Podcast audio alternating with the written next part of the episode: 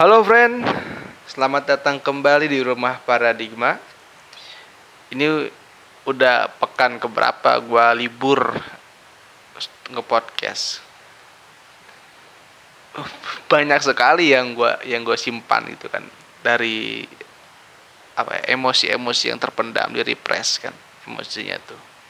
Gak sehat emang secara mental cuma ya kita perlu menggabungkan antara barat dan Islam kali ya.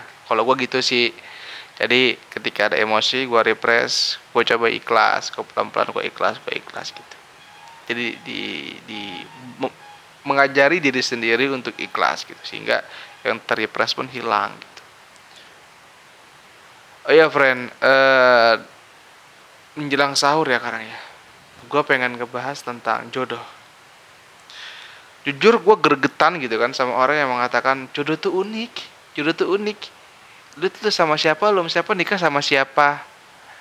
Dipikir ketika sudah nikah udah itu jodoh lu. Padahal nggak gitu friend. Nggak gitu. Lu nikah sama siapa pun lu bisa gitu.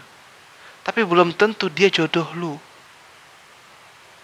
Ya kan belum tentu. Jodoh itu apa yang diusahakan gitu. Apa yang diupayakan. Ya. mengupayakan jodoh itu ya dengan cinta.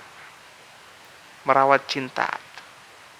Karena mustahil orang e, berjodoh tapi tidak punya cinta. Kan cinta bisa numbuh belakangan gitu. Memang cinta itu seperti buah yang dipetik tumbuhnya mekar gitu tapi nggak bisa langsung. Pelan ada prosesnya gitu kan. Lo ketemu orang ketemu si fulan lo suka sama dia lo amatin dulu dia lo cari tahu siapa dia sebenarnya.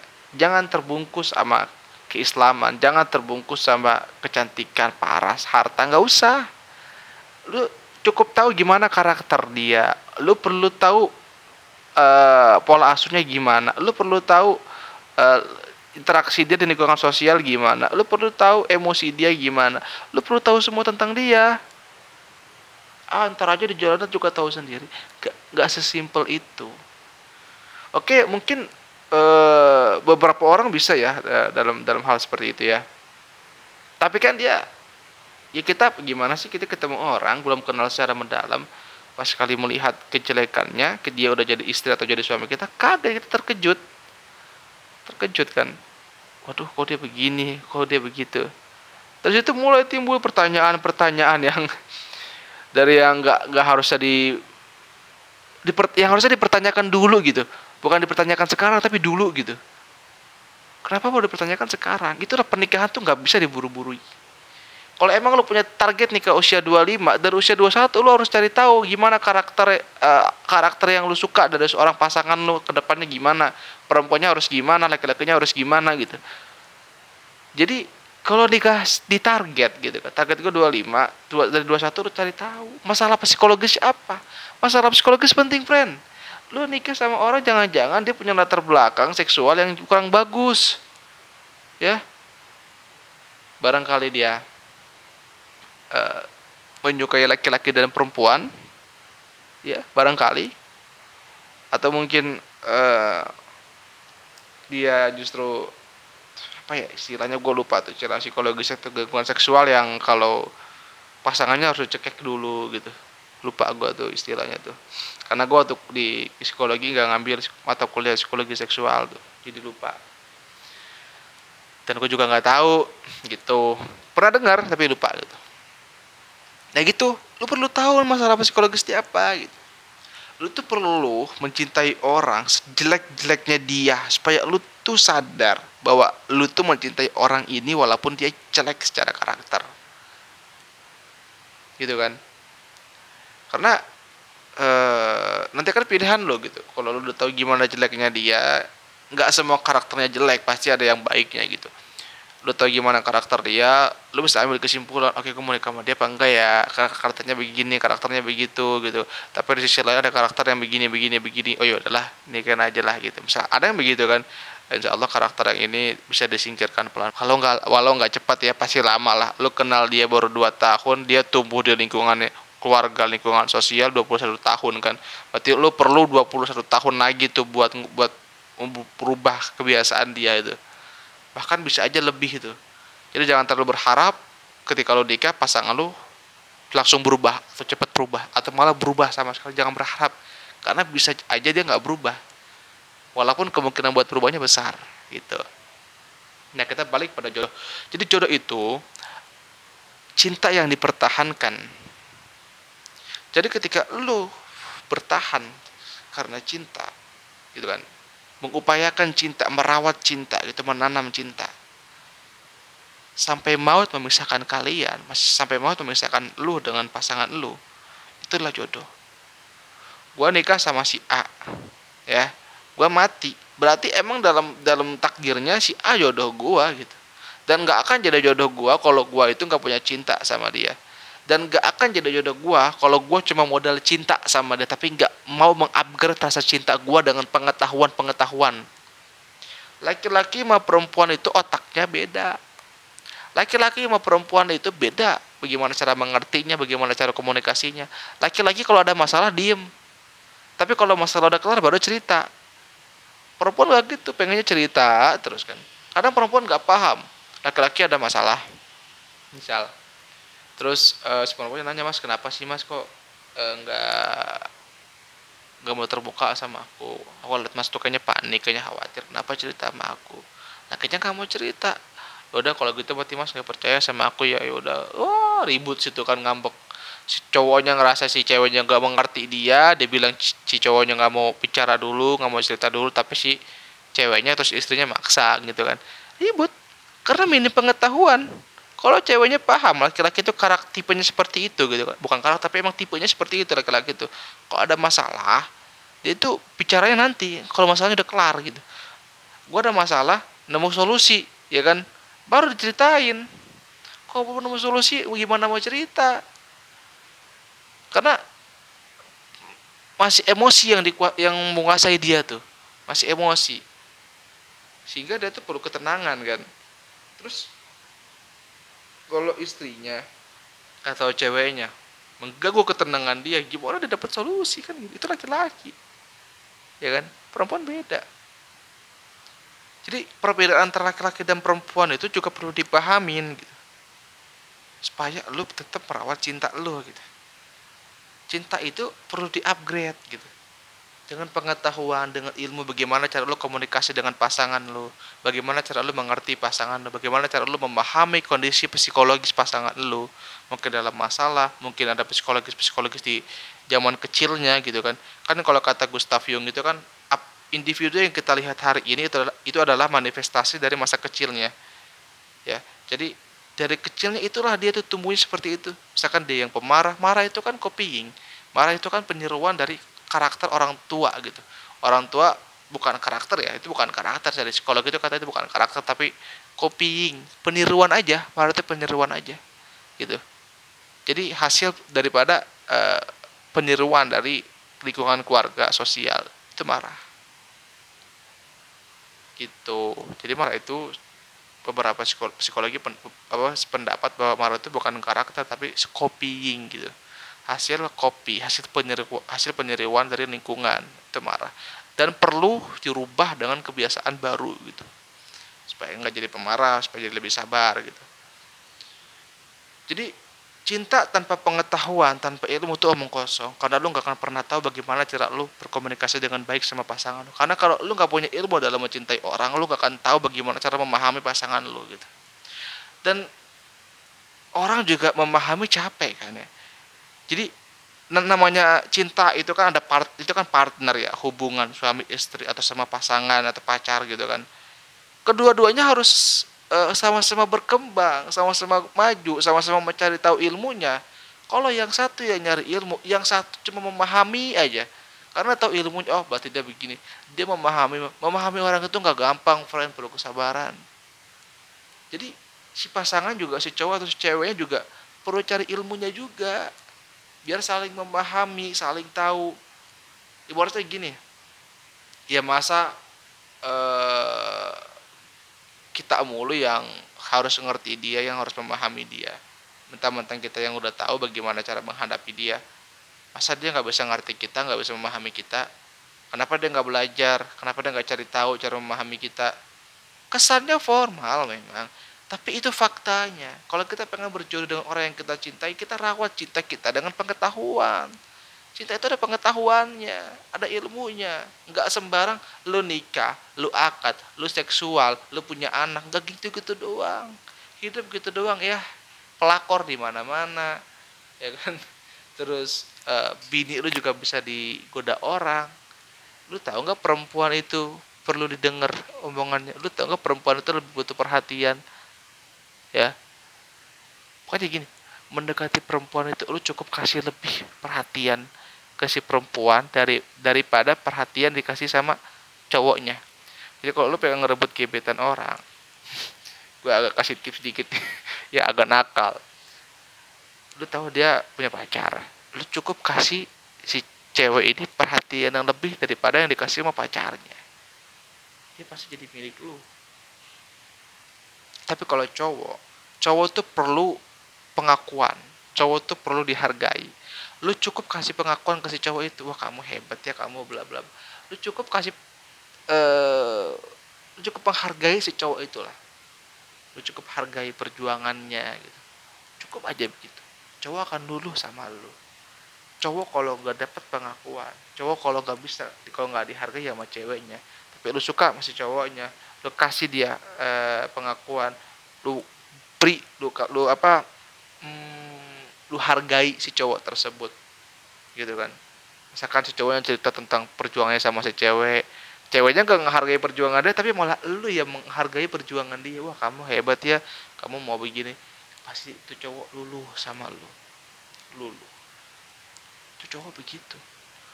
Orang kalau gak paham ribut Orang kalau paham saling mengakui. Cowok itu otaknya seks, paham gak cewek? Cewek gak ada yang paham.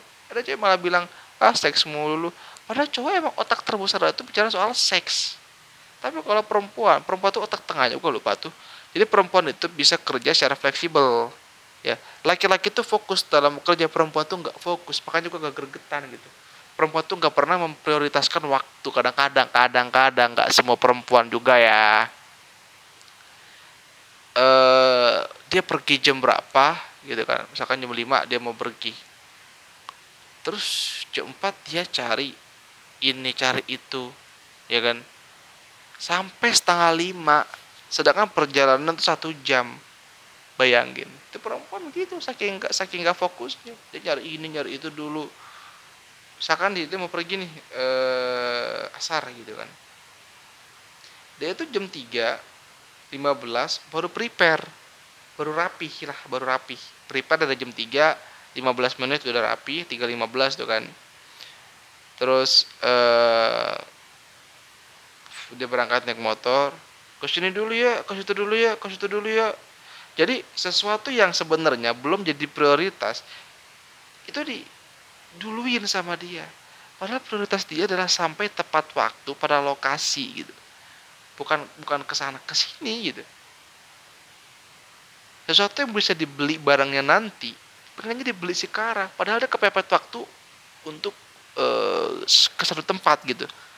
Itu perempuan sekarang tuh. Nah lo, lo yang ngedenger nih yang emang notabene seorang perempuan ngerasa nggak tuh begitu tuh? Itu perempuan gak fokus. Laki-laki tuh fokus. Tengahnya. Makanya laki-laki tuh nggak sehebat perempuan. Kalau perempuan bisa bisa masak sambil jaga anak sambil nyuci sama kalau laki-laki nggak bisa dia masak masak aja nggak bisa sambil nyuci gitu. Plus minus laki-laki dan perempuan tuh. Itu kan kita harus ngerti bos. Otak laki-laki otak perempuan beda. Ya. Lu belajarlah struktur otak laki-laki dan perempuan tuh dari dokter Aisyah tuh.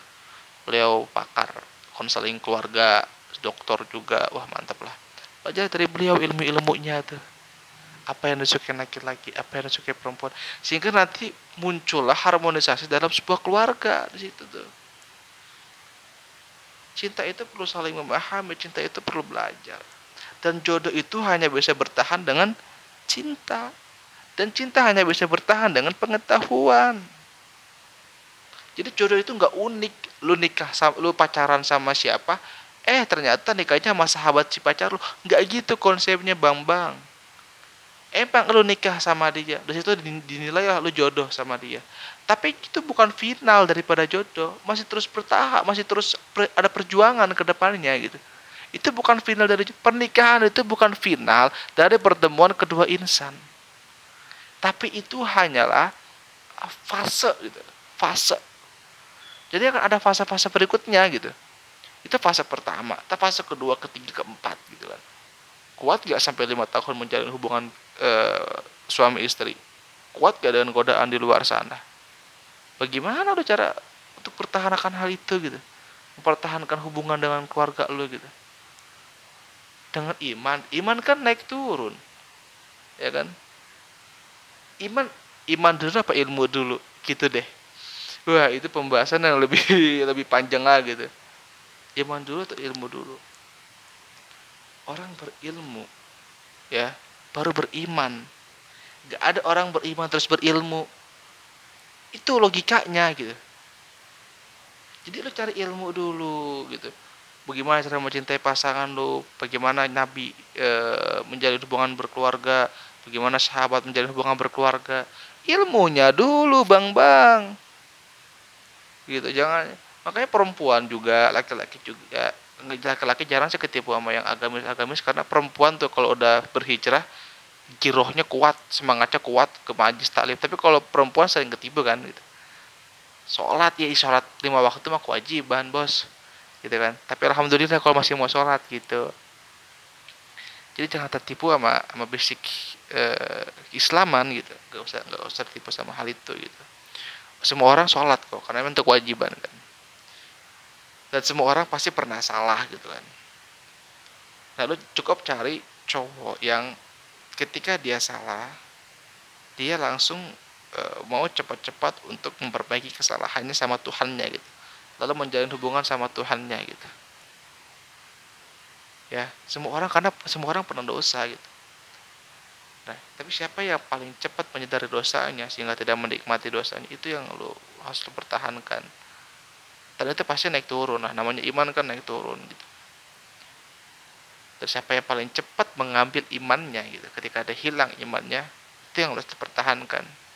Itu yang harus lo bantu gitu untuk untuk uh, konsisten gitu. karena perempuan bagaimanapun uh, engkau adalah separuh iman daripada laki-laki. Dan laki-laki pun separuh iman daripada perempuan. Karena dengan kalian bersatu akan ada fitnah kalau masih single kan godaannya kan banyak kan. Hasratnya tinggi anak muda gitu kan. Tapi kalau udah nikah seenggaknya kita punya rumah gitu. Makanya kalau kata Ojek Hatimu tempat berlindungku dari kejahatan sahwatku. Gitu kan. Tempat berlindung keduanya itu rumah. Pakaian keduanya tuh. Namanya pakaian harus saling e, melengkapi. Ketika sudah menikah udah nggak ada lagi bicara perbedaan. Tapi menyatukan perbedaan ya kan? Menyatukan perbedaan lalu merumuskan menjadi tujuan bersama gitu. Bukan justru memperdebatkan perbedaan bodoh kalau gitu namanya. Ngapain nikah kalau gitu? Kan Tuhan udah bilang aku menciptakan kamu dari laki dan perempuan bersyukur-syukur bersuku-suku ya kan? Apa beda budaya, beda suku dan sebagainya kan. Itu udah jelas, latar belakangnya pasti beda dan pasti pola pikirnya beda, pengalaman hidupnya beda. Terus lu ketemu lu nikah pasti semua halnya beda. Gitu. Gak usah jauh-jauh bicara uh, kriteria gitu kan. Cukup lu ketika lu ketemu cowok yang atau cewek kalau oke okay, kalau kalau cewek gini cukup lu ketemu cowok yang emang pertama dia punya prinsip prinsip itu penting kedua emang dia itu uh, hormat sama orang tuanya dia sayang sama orang tuanya gitu. Sayang aja peduli gitu sama orang tuanya. Walaupun ada perempuan dekat sama adiknya gitu kan. Sayang sama adiknya. Marahnya dijaga. Sehingga kalau laki-laki sore itu kalau marah itu tidak menghakimi. Marah itu tidak mencela itu laki-laki soleh soalnya jadi kan e, dulu Hasan al Basri kalau saya nggak salah tuh waktu baca di buku e, Profesor Dr. Quraisy Hab ya kan e, ulama tafsir dunia yang diakui sama seluruh ulama-ulama dunia beliau tuh judulnya membumikan Al-Quran judul bukunya Hasan dalam bab tentang rumah tangga adalah tiang agama Hasan Al Basri kalau saya tidak salah tuh pernah dilema karena anaknya itu anak perawannya itu dilamar sama dua laki-laki. Lalu nanya ke salah satu ulama gitu kan. Kata ulamanya kau pilih ya, laki-laki ya, yang soleh yang apa mm, ahlaknya bagus gitu kan. Karena kalau si laki kalau laki-laki yang soleh laki-laki yang ahlaknya bagus kalau dia mencintai putrimu maka putrimu akan dimuliakan oleh dia tapi kalau dia tidak mencintai putrimu, sekalipun dia salah, walaupun gak cinta, dia tidak akan menghakimi, tidak akan mencela. Gitu, friend. Ya. Mungkin buat kalian yang punya prinsip untuk kayak ta'aruf, penting juga untuk kenalin lebih dalam. Gak usah terlalu buru-buru, ya kan? Kenali bagaimana cara dia marah dan sebagainya. Dan kalau untuk Eh, laki-laki kan cari perempuan juga yang dekat sama orang tuanya. Perempuan yang sayang sama ayahnya perempuan yang nurut sama orang tua karena perempuan kalau udah nurut sama orang tua pasti sama lu nanti sebagai suami juga bakalan nurut. Itu simpelnya kan. Jadi kepatuhan seorang istri itu bisa dilihat sebelum dia jadi istri. Bagaimana kepatuhannya sama orang tuanya. Itu aja. Gitu. Ya friend gua mau tidur karena nanti harus sahur. Semoga uh, ya buat podcast hari ini emang masih sendiri cuman insya Allah nanti gue akan ajak beberapa teman-teman dari forum potensi pemuda Kabupaten Bekasi untuk podcast bersama gitu. Ya selamat sahur lah ya. Selamat sahur buat kalian semua. Semoga puasanya lancar.